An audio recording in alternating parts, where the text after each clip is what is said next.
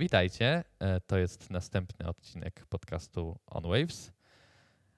E, z nami dzisiaj jest, a w zasadzie ze mną rozmawia Kacper Adamczyk, który studiuje na Uniwersytecie Jagiellońskim prawo. Cześć. Też e, robi różne inne ciekawe rzeczy w życiu. Ale może zostańmy jeszcze chwilę przy tym prawie. Który to już rok? Czwarty. Czy trudno jest wytrzymać na prawie?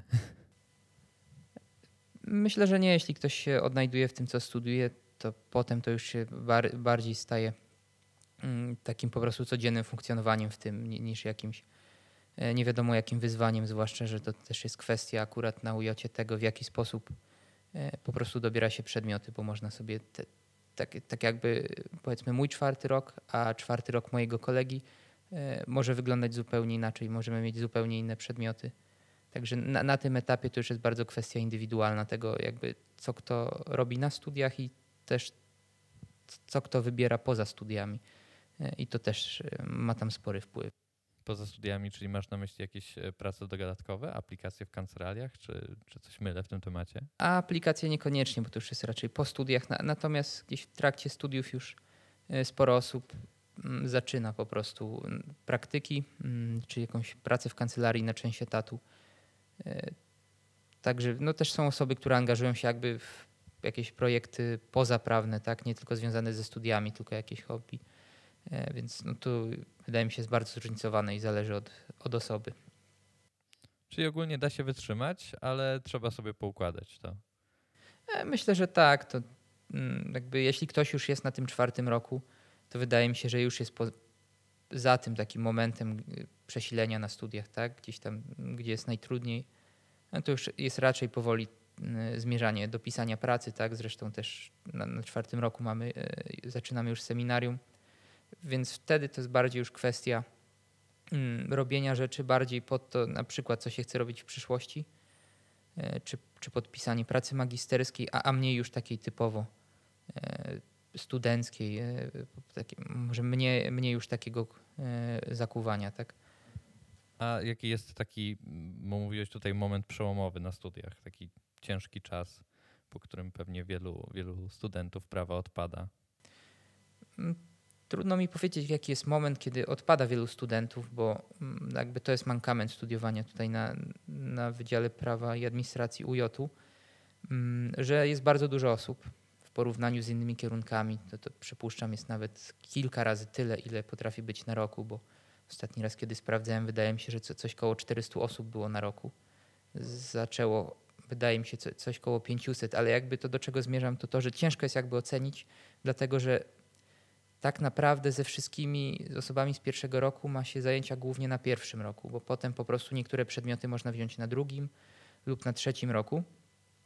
Mm, I po prostu wtedy trochę inną gdzieś tak jakby wewnętrzną ścieżką. Ostatecznie jakby te najważniejsze przedmioty zdaje się wszystkie te same, ale można trochę w innej kolejności jakby je zdawać. I stąd gdzieś ten trzeci rok wydaje mi się z takim przesileniem, bo to jest pierwszy etap, do którego trzeba mieć jakieś takie pierwsze, najważniejsze przedmioty zaliczone. E, też chyba najtrudniejszy przedmiot na tych studiach jest na drugim bądź trzecim roku. Jaki to przedmiot? No, u nas to jest akurat prawo cywilne. E, to jest ze względu mm, raz na to, że to jest zdawane jednym egzaminem, bo na innych uniwersytetach mają to na przykład na dwa czy trzy egzaminy podzielone, więc to jest po prostu dużo, duży zasób wiedzy do przyswojenia. Też forma jest taka bardzo praktyczna tego egzaminu, jak e, oczywiście jak na studia. E, no i też jeśli ktoś na przykład jakiś tam przedmiot powtarza, tak, no to zazwyczaj powtarza go na trzecim roku, tak, i musi mieć go, go zda, musi mieć go, musi go zdać żeby iść dalej, tak? Więc na tym trzecim roku może się coś nawarstwić. E, też jest tak, że wiele osób jakby nie robi tego minimum, które wymaga jakiś regulamin studiów. Tutaj chodzi o te ECTS-y, tylko po prostu wyrabia więcej na przykład, żeby potem punktów mieć na przykład po czterech latach tyle, ile by, powinno się mieć za całe studia i wtedy na przykład na piątym roku można już e, luźniej podejść do studiów, już zajmować się czymś bardziej w kierunku tego, co będę robił po studiach przygotowywać się do egzaminów na aplikację, a nie jeszcze trwać w takim po prostu. E, no już nie można jakby ograniczyć sobie, żeby nie było tak intensywnie e, jak na wcześniejszych latach. Okej, czyli też takie planowanie. Bo ogólnie z tego, co e, wiem, z tego, co słyszałem od moich znajomych, którzy też startowali czy tam studiują, są w trakcie studiów prawniczych, to nie są to łatwe studia. Chyba jedne z najcięższych e, do wyboru, oprócz tam medycyny czy jakiejś e, inżynierii, w sensie czy jakichś studiów inżynierskich. Więc co cię skłoniło, żeby akurat się w tą stronę w tą stronę pójść? E, trudno mi tu powiedzieć, żeby to była jakaś jedna rzecz, taki, jakiś taki moment, w którym stwierdziłem, o tak, pójdę na prawo, to jakby będzie moja przyszłość, tak, moja decyzja.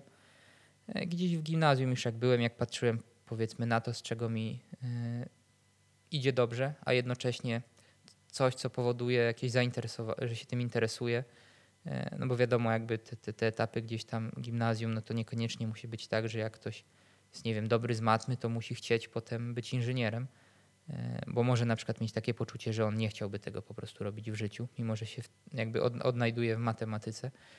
Więc jak byłem gdzieś w gimnazjum i tak patrzyłem, co gdzieś mi dobrze idzie, tam zawsze interesowałem się historią, ale też miałem jakby e, takie przekonanie, że nie chciałbym się tym zajmować w przyszłości. E, raz, że też jakby perspektywy po historii nie Wydaje mi się, nie, nie, nie, są przedmioty, które gdzieś tam mogą dać większe możliwości. I jakby gdzieś towarzyszyło mi takie, że przekonanie, że, żeby iść na prawo. I jak wybierałem profil liceum też pod tym kątem, że wiedziałem, że będę chciał iść na prawo. I póki co się w tym odnajduję, więc. Więc raczej nie e, więc, tego. Więc my, myślę, że to nie, nie była zła decyzja ale tak jak mówiłem, ciężko mi jest jakiś wybrać taki moment przekonujący, bo wiadomo też, że jak się myśli o, gdzieś tam o studiach czy o przyszłości, no to, to są jakieś często wyobrażenia, które się potem weryfikuje, jakby nawet zanim się w ogóle jeszcze zacznie coś studiować tak na dobre, e, czy, czy na studiach. Więc... Chciałem cię o to zapytać, czy ty, ty się wyobrażałeś jako, e, wyobrażałeś siebie w takiej sytuacji, nie wiem, sali sądowej jako adwokat, czy czy inna e, osoba, nie wiem, pełniąca jakąś rolę e, w całej tej e, organizacji sądowniczej w Polsce, czy, czy była to raczej jakaś taka, nie wiem, inna, inna wizja przyszłości w tym kierunku? Myślę, że mniej więcej tak to sobie wyobrażałem gdzieś tam, żeby gdzieś w tym świecie potem pracować. Jako powiedzmy prawnik szeroko rozumiany. Wiadomo, że to, to były takie wyobrażenia, że może nie aż tak już filmowe, bo jak się trochę poczyta, po, popyta, jak e, wygląda specyfika kierunku tej pracy potem, to, to, myślę, że to samo mogliby powiedzieć lekarze o serialach medycznych, tak? Że, no pewnie tak. E, że, że to ma niewiele wspólnego z rzeczywistością. Natomiast no, gdzieś wyobrażenia jakieś zawsze były, wiadomo, że się potem trochę weryfikuje już. E, no ale jakby to, to jest jakby chyba szerszy problem tego, że często już idąc do, do liceum, w zasadzie się decyduje w dużej mierze gdzieś o, o tych kierunkach studiów, które będzie można studiować, tak? Bo nie wiem, ciężko jest potem nadrobić rozszerzoną matematykę. Tak, tak, te profile liceum tutaj są bardzo ograniczające. Nie przedstawiłem w sumie tematu tego odcinka, no nie? Bo to nie jest przypadek, że, że studiujesz prawo, y, jesteś na dosyć ciężkich studiach, ale też y, prywatnie, y, jak cię tak obserwuję, to mm, stwarzasz wrażenie osoby bardzo, bardzo inteligentnej. E, może przez to, że rzadko się odzywasz. W sensie, jak już coś powiesz, to jest to, jest to dość konkretne. A ja mam znowuż tendencję do, do zagadywania e, ludzi nawet na tematach, na których się nie znam, więc, e, więc stąd to moje zainteresowanie. Także tematem dzisiejszego odcinka jest szeroko rozumiana mądrość i, i to, w jaki sposób można ją nabyć, czy w ogóle wszyscy mają do niej predyspozycję. No i jednym z takich pierwszych pytań, które zawsze zadaję e, moim gościom odnośnie tego tematu, to jest jak ty definiujesz mądrość? Czy da się jakoś to zdefiniować? Czy masz jakiś pomysł, jakby to nazwać inaczej? Myślę, że jakieś próby definiowania można podjąć, zwłaszcza, że one są szeroko podejmowane, tak, no choćby w słownikach E, natomiast wydaje mi się na pewno, ja się zawsze spotykałem z takim definiowaniem.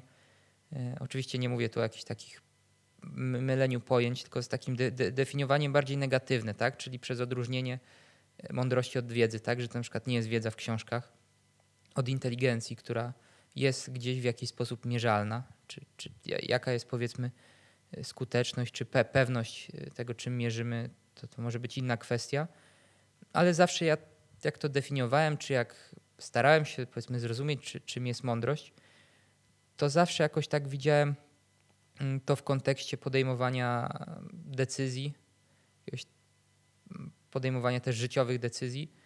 I jakoś zawsze to też wiązałem z doświadczeniem życiowym, że mądrość byłaby, tak mi się zdaje, czymś więcej niż jakimś innym słowem, na przykład na wiedzę, tylko byłaby właśnie czymś, co na pewno jest podlane wiedzą, też inteligencją, ale też w bardzo dużym stopniu, myślę, doświadczeniem życiowym, więc.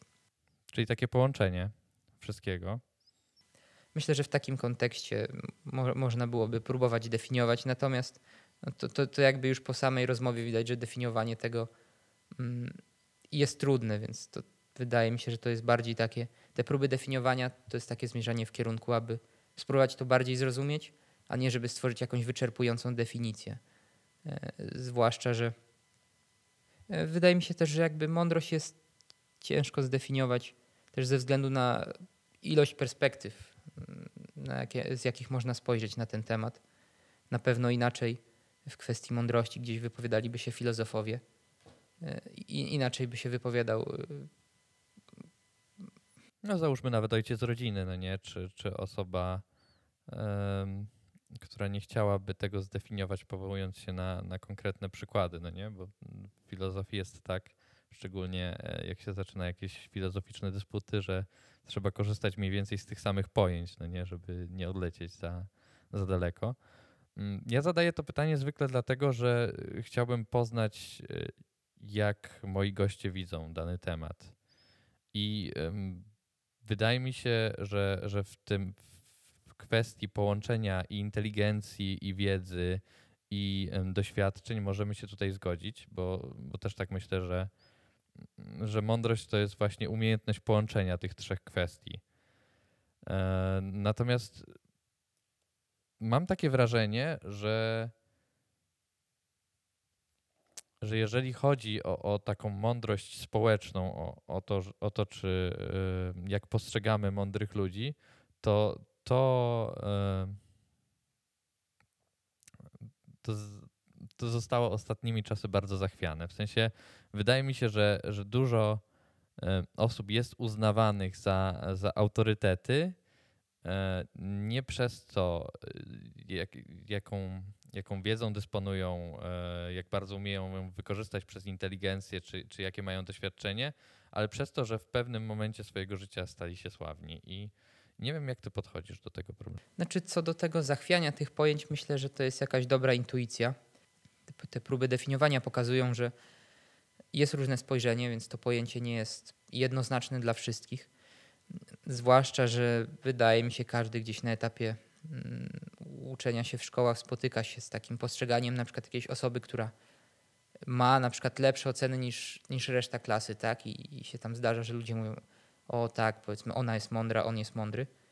Jakby, a to jeszcze nie musi przesądzać tego w żadną ze stron, bo jakby wiedza, tak jak gdzieś już wcześniej wspomnieliśmy, e, no jest jakimś składnikiem tej mądrości, tak?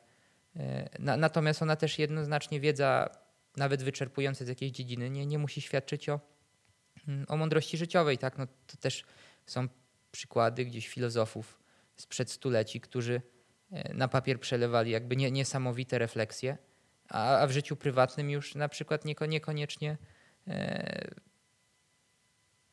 dawali radę. Nie, nie, nie, nie, niekoniecznie żyli tym, co głosili, tak? Nawet w sensie bardziej mówię tu o takich dużych różnicach, tak? No bo wiadomo, że e, ciężko jest jakby no nawet naj, najlepsze, e, najlepsze intencje czasem nie, nie, nie wystarczą, no żeby tak. się po prostu nie pomylić. Hipokryzja i niezgodność z, jakby z reprezentowaną przez siebie ideą jest bardzo wielkim zaprzeczeniem takiej mądrości. Wydaje mi się, że tutaj wspomniałem o, o autorytetach. E, bardzo lubię, kiedy człowiek jest spójny, którego spotykam, no nie? I, I, wydaje mi się, że też większość osób tak ma, e, że jeżeli coś komuś doradzam, to też stosuję, stosuję to w swoim życiu, albo sprawdziłem, że w moim życiu to zadziała. To oczywiście też nie znaczy, że w czyimś życiu to zadziała i, i jakby też się pojawia mm, taki, taki temat, czy e, o tych stopniach mądrości, no nie? Czy, czyli czasami mądrzej jest się nie odezwać, niż gadać głupio. E, tutaj tak właśnie odwołując się jeszcze do, do choćby hipokryzji, tak my, myślę, że może gdzieś do tego potem dojdziemy, ale no jakby rzeczą ludzką jest to, że jedno głosimy, a drugie robimy potem. E, wiadomo, że gdzieś trzeba starać się dążyć do tego, żeby to jedno pokrywało się z drugim, ale myślę też, jakiś jest potem punkt wyjścia do, do stawania się mądrzejszym, czyli spojrzenie na to, e, co robiłem i wyciągnięcie jakichś wniosków, tak? Bo jakby cały czas jakieś wybory trzeba podejmować. Czasem w takich okolicznościach, w jakich by się ich nie chciało podejmować. No, zwykle w takich. E, zwłaszcza jakieś tam trudne decyzje, no to wiążą się zawsze z emocjami, tak? A można było powiedzieć, że emocje nie sprzyjają podejmowaniu decyzji. Szczególnie mądry. E, tak, e, więc myślę, że jakby to jest też jakiś punkt wyjścia, że jakby mądrość można byłoby pewnie w jakimś tam z jednego punktu widzenia określić jako bardziej taki postulat, do którego należy zmierzać, a nie coś, o czym można w życiu powiedzieć, że na danym etapie to już osiągnąłem, tak? E, natomiast co do kwestii autorytetów, to, to rzeczywiście e, może dostęp, szerszy dostęp do informacji gdzieś e, pozwala na weryfikowanie tego, mm, co, co głoszą inni, jakoś podkopywanie niektórych autorytetów. No ale z jednej strony, tak jak wspomniałeś, jakby też jakieś dzisiejsze rozumienie autorytetu niekoniecznie musi się wiązać z tym, że ktoś mm, jakby jest tym autorytetem w dziedzinie, którą zgłębiał, tak? Tylko może być tak, że w jakiś inny sposób, powiedzmy, doszedł e, na ten jakoś rozumiany szczyt, taki potem zaczyna radzić, e, radzić innym, tak? A niekoniecznie jakby sposób, w jaki tam doszedł, e, dawałby jakieś doświadczenie, które, które mogłoby innym pomóc. A czy miałeś taki moment w życiu, kiedy jakby jakaś zapadka w mózgu się otwarła i, i można, i dzięki temu można było spojrzeć na, na dane sytuacje e, z innej perspektywy, no nie? Bo tak mam wrażenie, że, e, że te doświadczenia, ich rozumienie e, jest bardzo ważne na tej drodze do zdobywania jakiejś tam mądrości, no nie? Nie można jednoznacznie stwierdzić, że osoba, która osiągnęła dany wiek, czy ma ileś tam do, doświadczeń, będzie rozumiała no nie? i będzie mądra. Nie ma takiej miary mądrości. No nie? Myślę, że w tym kontekście to jest kwestia różnej miary, jaką się przykłada. Inną, powiedzmy, miarę przyłożymy do osoby, która dopiero wchodzi w dorosłe życie, a inną do osoby, która już na przykład większość tego dorosłego życia ma za sobą. To chyba też nie bez kozery się mówi, że ktoś jest na przykład mądry jak na swój wiek, czy dojrzały jak na swój wiek, że gdzieś zawsze to się próbuje porównywać z jakąś E, z jakimś średnim poziomem osób mniej więcej w tym samym wieku, w, w tym samym jakimś kręgu kulturowym. Mm. Natomiast co do tych momentów takiego spojrzenia, to, to, myślę, że na pewno miałem ich w życiu kilka. Myślę, że jakby każdy, jak spojrzy na jakieś takie ważniejsze wydarzenia ze swojego życia, czy jakieś wydarzenia, które się wiązały z jakimiś większymi emocjami, e, to jakby jest w stanie na przykład powiedzieć, że względem tamtego czasu, kiedy coś się działo, na przykład nauczył się czegoś, tak, że wiem, następnym razem zachowa się lepiej, tak, czy wyciągnie z tego jakieś wnioski, e, które pomogą mu jeszcze raz w takiej sytuacji, jeśli by się zdarzyła, odnaleźć się lepiej. Więc myślę, że to na pewno każdy ma w życiu takie momenty, o których by mógł powiedzieć, że e, porównać z jakąś przeszłością, że w jakiejś sferze gdzieś jest lepszy, może jakąś, jakieś ma większe doświadczenie. Natomiast co do takiego momentu y, powiedzenia, o teraz jestem mądry, to, to wydaje mi się, że ja takiego jakiegoś momentu nie miałem i też wydaje mi się, że y, takiego momentu nie ma. Tak? To, to, to jest trochę tak jak, nie, nie wiem czy miałeś tak może, ale jak się patrzy na przykład na starsze rodzeństwo czy jakichś starszych kolegów, którzy na przykład byli w liceum, kiedy było się w podstawówce, to się miało wrażenie, o jacy to oni nie są dojrzali, jacy to nie są na przykład mądrzy. No potem będąc w tym samym wieku, mierząc się pewnie z podobnymi problemami, jak oni mieli, stwierdza się, że czasem jest kompletnie inaczej. Ma się wrażenie, że jakby kompletnie nie wie, co się robi e, i jak należy się zachować w jakichś trudnych sytuacjach, więc Myślę, że to jest zawsze kwestia raczej takiego spojrzenia wstecz. Czyli zawsze można e, jakby poprzez właśnie spojrzenie wstecz stwierdzić, czy dana decyzja, czy, czy dana interakcja z innymi ludźmi, czy, czy z daną sytuacją była e, mądra, czy też była głupim zachowaniem, no nie? Bo antagonistycznie chyba zestawiamy raczej mądrość z głupotą. Na pewno to, to też jakby zakłada patrzenie w ogóle na, na swoje e, wydarzenia czy zachowania z przeszłości, co już w jakimś stopniu może świadczyć o jakiejś mądrości, tak? Bo to wcale nie jest takie oczywiste, że się człowiek zastanawia nad decyzjami, które podejmuje, bo czasem się okazuje, że powtarza te same błędy cały czas w bardzo podobny sposób, tylko one są trochę inaczej opakowane na przykład. I liczy na inne efekty tych, tych samych błędów. To jest właśnie ważne, żeby. Wydaje mi się, że no ciężko jest tak narzucić coś, tak jak ty to powiedziałeś chyba jeszcze przed nagraniem ex katedra. To stwierdzenie, że, że bez, bez jakiegoś wyraźnego autorytetu, że, że ludzie powinni się zastanawiać nad tym, co robią w życiu. Ale mam wrażenie, że, że większość ludzi się nad tym nie zastanawia i po prostu sobie żyje z dnia na dzień i jest fajnie. Myślisz, że można motywować ludzi do zastanawiania się nad sobą, do poszukiwania takiej może nie ogólnorozumianej, ale swojej mądrości? Myślę, że w jakiś sposób mo można byłoby motywować. Tak? Ciężko mi jest tutaj powiedzieć jakiś konkretny sposób, bo myślę, że to może być uzależnione od bardzo uzależnione od konkretnej sytuacji. Ludzie też są różni. I może być na przykład osoba, która na przykład każde wydarzenie bardzo analizuje, dzieli włos na czworo, tak?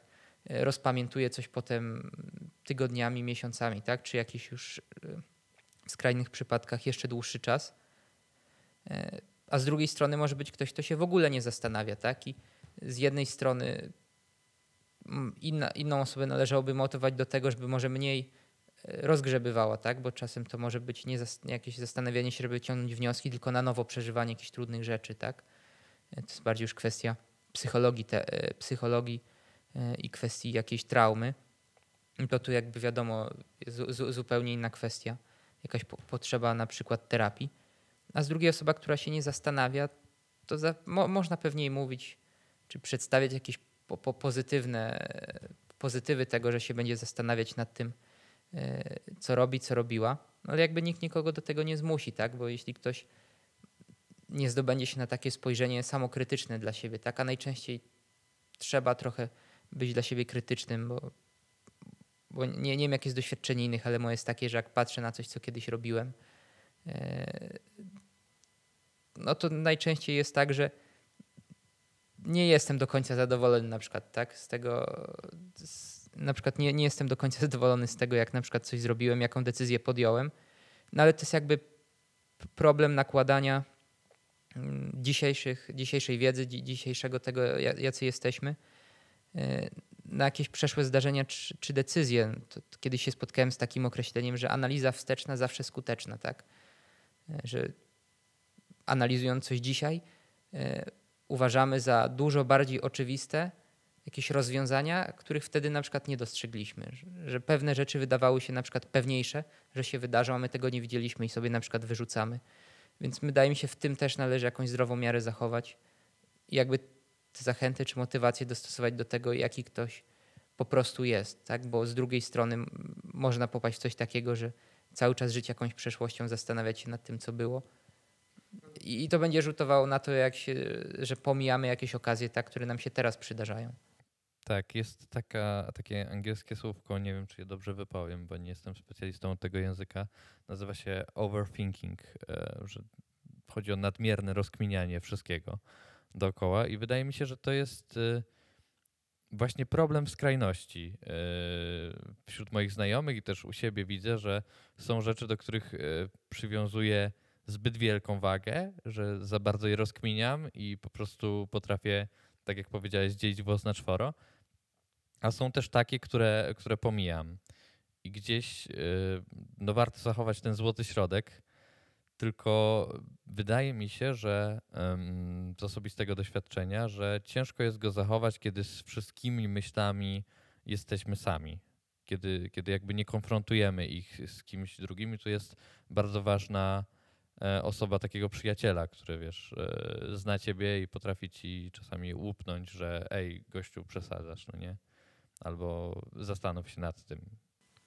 Myślę, że tu, tu na pewno spojrzenie drugiej osoby zawsze może wzbogacić to, jak my coś widzimy, bo zw- zwłaszcza jakieś takie momenty, które wiążą się z dużymi emocjami, czy intensywnymi, może byłoby lepszym słowem, e, no powodują to, że mamy jakiś zakrzywiony obraz, tak? No niekoniecznie też z naszej winy, niekoniecznie chcemy mieć taki obraz, nawet próbujemy wyjść jakby poza siebie, po, poza to, co przeżywamy, ale jakby też trudno oczekiwać od osoby, która mm, zo- została bardzo zraniona, żeby teraz była w stanie się zdobyć na takie całkowicie e, wyprane z emocji spojrzenie. Także to wydaje mi się perspektywa jakiejś bliskiej osoby, która jednocześnie zachowa mm, jakiś tak, taką powiedzmy, która jednocześnie zachowa jakąś neutralność y, czy obiektywizm w spojrzeniu na tym, na tyle oczywiście, ile może i potrafi, y, no może wzbogacać, bo wydaje mi się naturalne, że często zastanawiając się nad czymś, y, jakby do, dobieramy sobie po, pod jakąś swoją tezę, tak? To, to, co robiliśmy, że jeśli mamy wrażenie, że my wtedy byliśmy osobą pokrzywdzoną, to będziemy jakby dostrzegać takie elementy sytuacji, które będą o tym świadczyć, a niekoniecznie na przykład o tym, że, że może jakąś winę też ponosiłem za coś, co się wydarzyło. Więc myślę, jakby, no za, zawsze warto, warto to, mieć to spojrzenie osoby z zewnątrz, która jest w stanie spojrzeć na to bardziej trzeźwo niż my. Tak, i tutaj też wchodzi taki temat, y, wydaje mi się istotny, o, powiązany trochę z pewnością siebie. Tak jak na początku y, wspomniałem, że są ludzie, którzy są bardzo pewni siebie i oni reprezentując jakieś poglądy w danej grupie, wydają się liderami tej grupy, no nie? Że reszta grupy stara się im podporządkować, bo budują swój autorytet nie tyle na, na wiedzy, czy mądrości, inteligencji, czy doświadczeniu, tyle, że na, na jakimś takim mm, charyzmie wypowiedzi, na przykład. Czy ty się spotkałeś z takim, z takim zjawiskiem? pewnie można byłoby dostrzec osoby, które e, mo, może bardziej grają pewnych siebie, że jakby to, to udawanie pewności siebie jest jakąś e, drogą do jej budowy, czy, czy jakimś takim środkiem, żeby zaradzić tej niepewności, tak? Czyli będę wewnątrz jestem niepewny siebie, a teraz będę udawał, że, że, że jestem bardzo pewny siebie. Bo czasem rzeczywiście tak może być, że ktoś się wydaje na przykład bardzo pewny siebie, tak? A on ma na siebie zupełnie inne spojrzenie, tak? ale to jest jakby w ogóle jeszcze odrębna kwestia tego, jak my siebie widzimy, jak inni nas widzą. Tak ile jest tak, takich naszych wersji, które gdzieś E, Wydaje mi się, że spotykamy się, e, a przynajmniej ja się spotykam z takim zjawiskiem, e, ludzi, którzy zostawiają swoje myślenie na rzecz innych. To znaczy, że jeżeli ktoś powiedział, że coś jest takie, to tak to traktują. Czy ty masz może takie doświadczenia? Ludzi, którzy uciekają trochę od poznania czegoś samemu na rzecz właśnie korzystania z doświadczeń innych. To znaczy, że jeżeli na przykład coś u kogoś zadziałało, to u mnie na pewno też zadziała, chociaż to jest zupełnie e, inna sytuacja albo jest niewiele podobna do tej, w której się znajduję. myślę, że pe- pewnie tak, gdybym się zastanowił, jakieś takie przy, przykłady może e, by- byłbym w stanie podać. Natomiast myślę, że to takie zjawisko gdzieś m- pewnie może występować, bo jakby no dużo łatwiej jest czasem jeden do jednego zastosować to, co u kogoś zadziałało, niż zastanowić się e, głęboko jakimś nad tym, czy to na pewno jestem w podobnej sytuacji. E, A, a najczęściej jest tak, że nawet jeśli sytuacja jest podobna, tak, to ten jeden szczegół może powodować, że coś zupełnie nie zadziała, tak? Bo to ja jestem inny, tak? Osoba jakaś druga może być inna, która też w jakiejś tej sytuacji jest. A tutaj myślę też można, może to zahaczyć taką kwestię jakby siły oddziaływania autorytetów, tak? No właśnie chciałem do tego nawiązać. że jakby no te też różne badania, tak, czy eksperymenty były niektóre, można byłoby powiedzieć, które wydawały się brutalne, tak, które kiedyś przeprowadzano, e, co, co do wpływu autorytetów. I z jednej strony jakby to jest trochę cecha autorytetu, tak, że, że ktoś e, w jakiś sposób zasłużył na to, że jest moim czy czyimś autorytetem. Więc jakby ma, ma taką pozycję, że może jakąś powiedzmy radę czy, czy jakieś roz, rozwiązanie podsunąć. Natomiast wydaje mi się, że zawsze musi być ten etap zweryfikowania tego, czy, czy to jest dobre dla mnie, czy to będzie się dało jakoś zastosować, czy, czy nawet to w ogóle jest jakby związane z tym, z tą dziedziną, w której ktoś jest autorytetem, tak? Bo może być tak, że ktoś jest autorytetem z, jest autorytetem z jakiejś dziedziny, no jednocześnie w jakiś sposób jakby uzurpuje sobie tak bycie autorytetem w też w innych kwestiach. No wydaje mi się na pewno nie jest zdrowe podejście, tak, zrzucanie jakiejś odpowiedzialności za swoje decyzje na innych. To wydaje mi się jest mądrość jakby tej osoby, która jakiejś rady udziela, żeby, żeby to dostrzec. Czy ktoś po prostu jakby szuka współodpowiedzialnego za decyzję, albo tego, kto będzie odpowiedzialny za decyzję, a, a tym, czy, a tym czy, czy ktoś rzeczywiście szuka jakiejś rady, którą weźmie pod uwagę, ale to będzie jedna, jedna ze składowych decyzji, tak, a nie będzie przełożona jeden do jednego. To jest ważne. Tutaj też e, pojawia się taki ciekawy temat e, dosyć efektu e, Duringa-Krugera. Nie wiem, czy czytałeś o tym? Tak, tak. To, to jest ten efekt, tak, w cudzysłowie nie znam się, ale się wypowiem no taki bardzo, e, że tak powiem, sympatyczny dla naszego narodu chyba e, efekt badania, który pokazuje e, właśnie to, o czym też chyba wspomniałem wcześniej, czyli że ludzie mądrzy, przynajmniej jeżeli wiesz, jakby odrzucimy na chwilę tą miarkę, ale tacy, którzy, którzy gdzieś tam spotykamy się i masz wrażenie, że ktoś jest mądry, zwykle mówią mało. A ludzie, którzy jakby nie są ekspertami, czy też e, nie mają dużo, wielu doświadczeń, starają się powiedzieć jak najwięcej, żeby po prostu reszta, reszta społeczności, czy, czy reszta grupy, w jakiej wtedy przebywają, myślała, że się znają. Znaczy, myślę, że się spotkałem, najczęściej to było w tej wersji, że e, powiedzmy takiej e, może bardziej pozytywnej, to znaczy, że ktoś miał wiedzę czy umiejętności ich po prostu nie doceniał to, to wydaje mi się, że w, że w takiej wersji się spotkałem. Natomiast w, w kwestii prze, przeceniania, no to pewnie tak pa, patrząc szerzej, no to mo, można byłoby gdzieś to dostrzec na pewno. Gdzieś się spotyka osoby, które y, jakby znają się na wszystkim, tak? Jeśli przychodzi do dyskusji i nawet nie, nie niekoniecznie mm, jakby są otwarte na to, na jakiś inny punkt widzenia.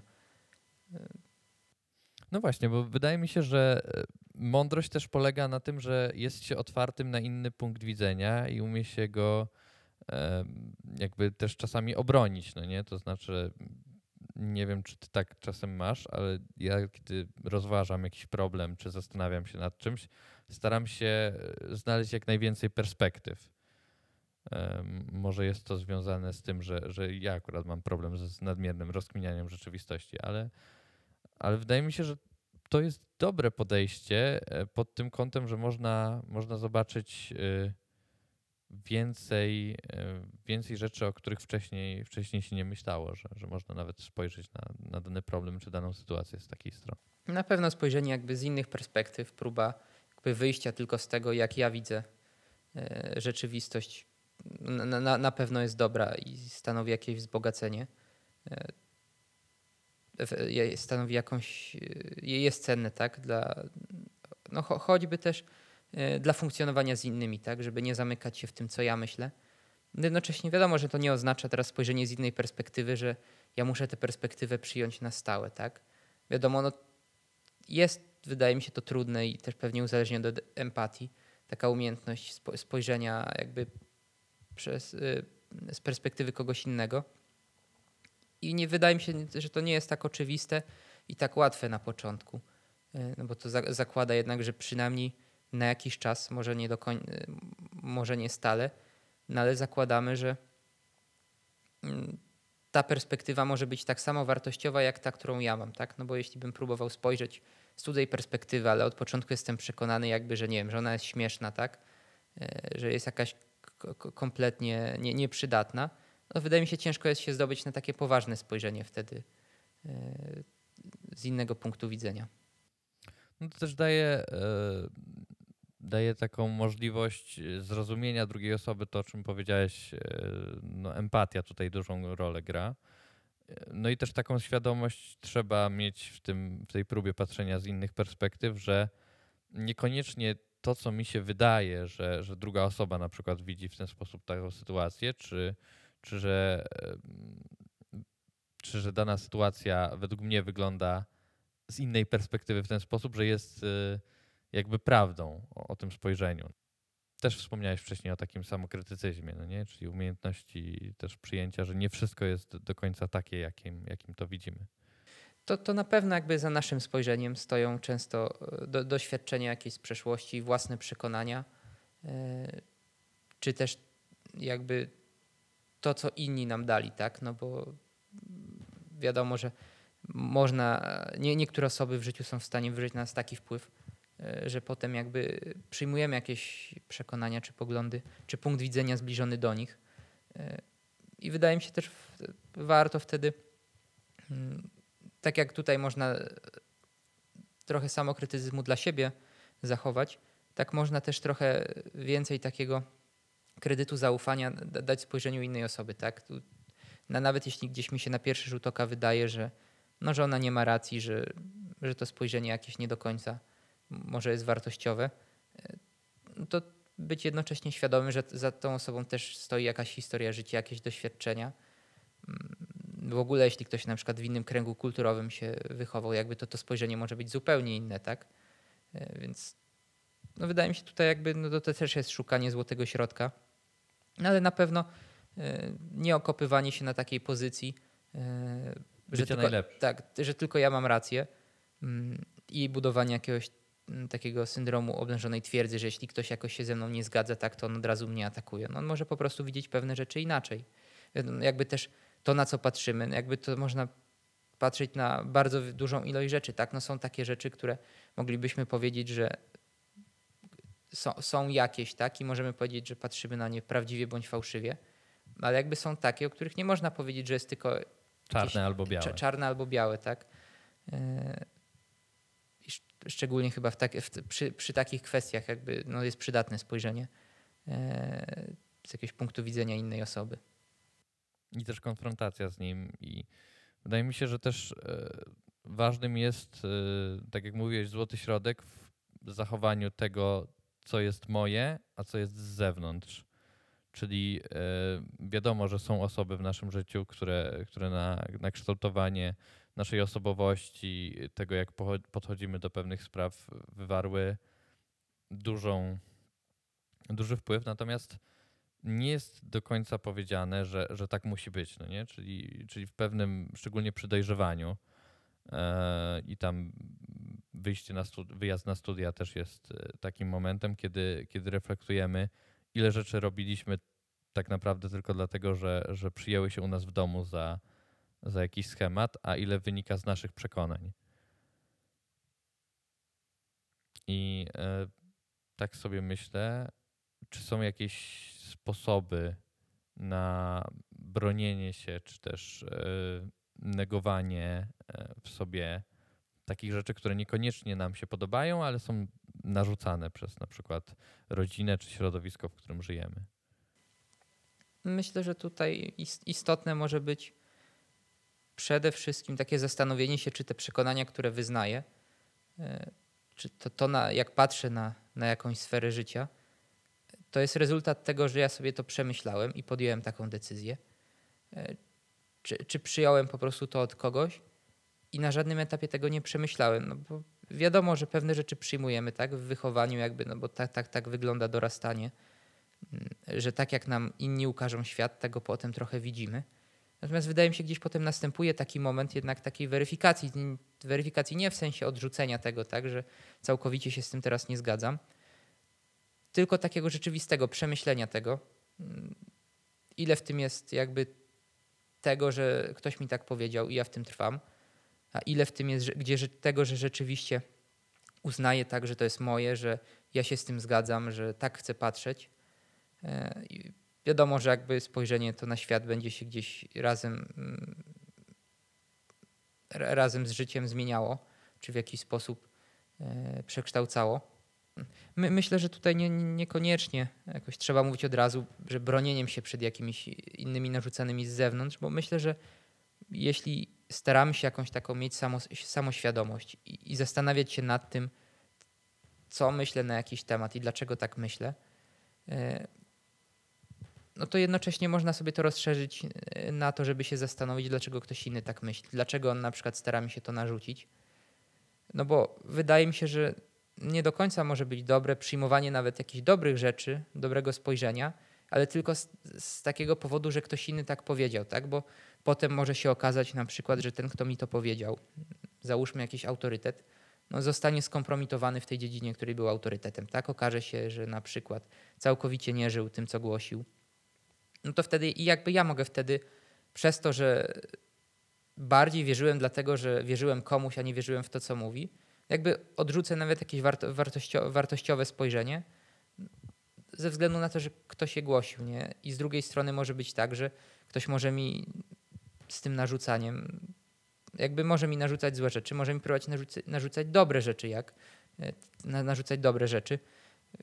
Więc wydaje mi się, to jest kwestia po prostu zastanawiania się, patrzenia z różnych perspektyw.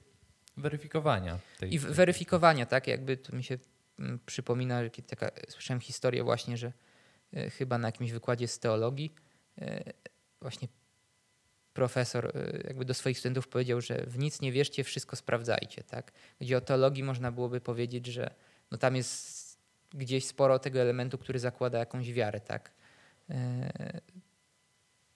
No to wydaje mi się, to jest, to jest takie podejście, tak, żeby sprawdzić, nawet jak ktoś coś mówi w dobrych intencjach, żeby mieć takie wrażenie, że jak coś przyjmuję, to to jest moje, tak? a, a nie jestem zlepkiem jakiego, jakichś losowych rzeczy, tak? które...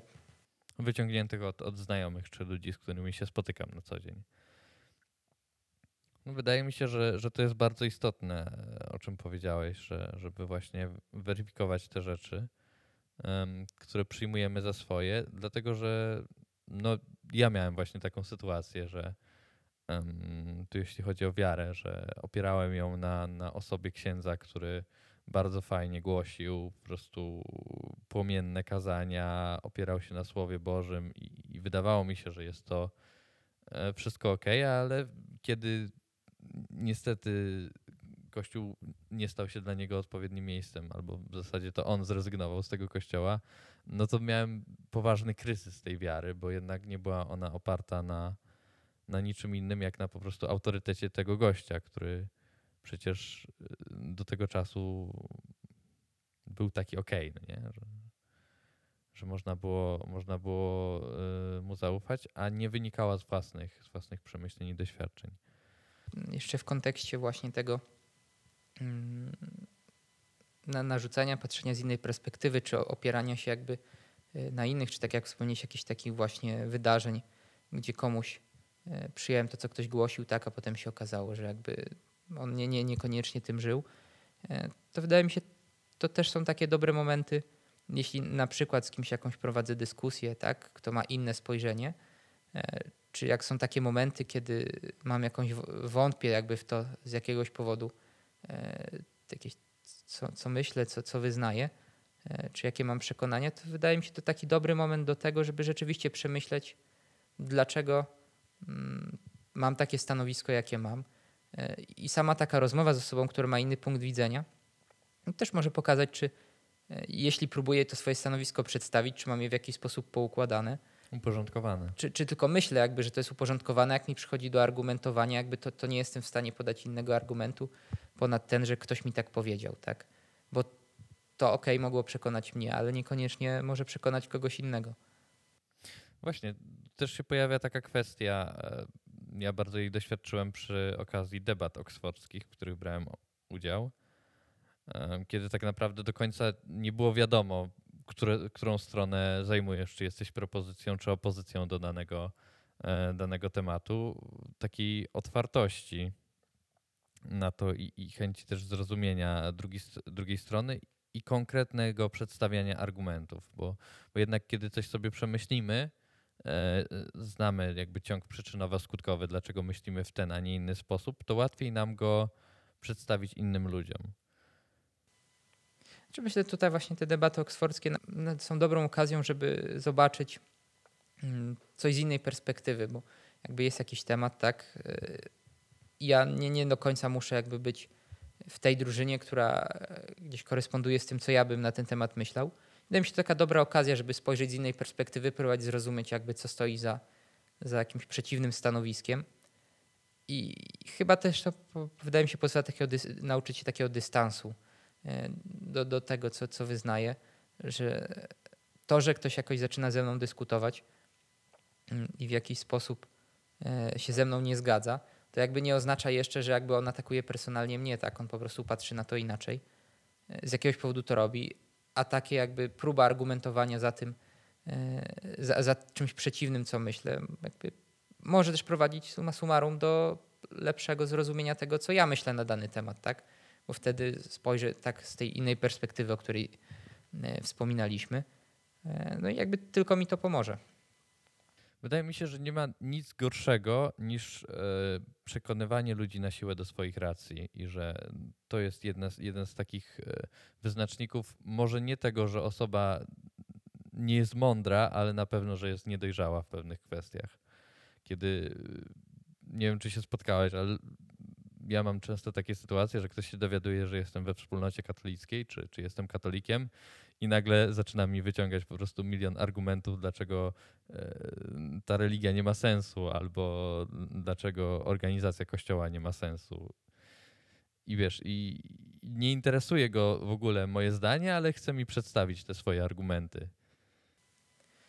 Znaczy, wydaje mi się, że tu no tutaj jest kwestia no, oczywista, tak, że nikogo na siłę się do niczego nie przekona, bo nikt za nikogo w coś nie uwierzy, nikt za nikogoś czegoś nie zacznie wyznawać. I zwy, zwyczajnie to jest po prostu, wydaje mi się, mar, marnowanie i czasu, i wysiłku, a czasem psucie humoru innym. E, prób, próbowanie ich przekonać jakby do, na, nawet do dobrych rzeczy, tak, bo to może być w moim mniemaniu coś dobrego, ale ktoś może być jeszcze nie gotowy do tego, żeby na przykład na, na to tak spojrzeć, może być, może jakby mieć zupełnie inne doświadczenia, które wpływają na to, że ma takie stanowisko, jakie ma, albo do pewnych rzeczy zwyczajnie ktoś jeszcze potrzebuje dorosnąć albo potrzebuje czasu, y, żeby je zrozumieć, tak? No, czasem samemu, tak, też jakby kon konfrontując y, jakby we, we jakieś swoje wewnętrzne przemyślenia, czy, czy właśnie o tej, mówiąc o tej mądrości, że no chciałoby się kilka etapów przeskoczyć tak do momentu, w którym ja już tam się będę świetnie, mm, świetnie orientował w czymś, będę potrafił podjąć świetną decyzję. Tak? A jakby no, to jest trochę metoda prób i błędów. I tak jak z tym przekonywaniem, że no być może ktoś jeszcze potrzebuje na przykład w moim mniemaniu, tak, bo nie mówię, że to będą błędy, ale e, no w moim mniemaniu jakieś kilka błędów popełnić, żeby zacząć na przykład patrzeć na, inaczej na ten temat. Tak? No bo jakby zmuszając kogoś, no to wiadomo, można doprowadzić do efektu przeciwnego do oczekiwanego, taki jeszcze bardziej kogoś zrazić i wyrobić w kimś przekonanie tak, że nie wiem, wszyscy, którzy e, na coś patrzą w ten sposób, to są tacy jak ja, że teraz jak tylko coś tam powiem, to będą mnie się starali przekonać, tak? No jeszcze może się zdarzyć tak, że powiedzmy, że ktoś nie, nie będzie po prostu chciał e, dać się przekonać, taki zacznie, e, zacznie z nami wojować, taki i to tylko jeszcze pogorszy sprawę, tak? No bo większość osób po prostu przypuszczam, wysłucha nas i, i na tym poprzestanie, tak jakby, żeby nie, nie drążyć tematu i nie szukać na siłę jakichś, e, jakichś sporów. Czy jest coś, co byś polecił osobie, która jakby zastanawia się nad e, jakby zdobyciem więcej doświadczenia, większej wiedzy, inteligencji, pogłębieniem swojej mądrości? Czy, czy jest jakaś nie wiem, książka, coś, coś ciekawego, jakaś? Myślę, że raczej tutaj jakby nie, nie uważam się za osobę, która jakoś ma jakiś mandat, żeby innym udzielać nie wiadomo jakich rad. No myślę, że tak jak wcześniej rozmawialiśmy, cenne jest na pewno zastanawianie się po prostu nad tym, e, co robię i dlaczego robię. E, po prostu spojrzenie na to, powiedzmy może jakieś regularne nie chodzi tutaj, żeby teraz jakby rozpamiętywać każdą swoją decyzję i, dzielić ją na czworo i, i, rozpisywać nie wiadomo jak. E, tylko po prostu w miarę gdzieś tam regularnie patrzeć na to, e, na to, o czym właśnie wspomnieliśmy. A wydaje mi się też jest czerpanie z doświadczenia innych, tak? No, nie, bez pozo- nie bez kozery mówi się, że najlepiej się uczyć na że lepiej się, że lepiej się uczyć na czyichś błędach. I wydaje mi się, jakby no, taką rzeczą oczywistą jest e, zapytanie kogoś bardziej doświadczonego, mądrzejszego, tak?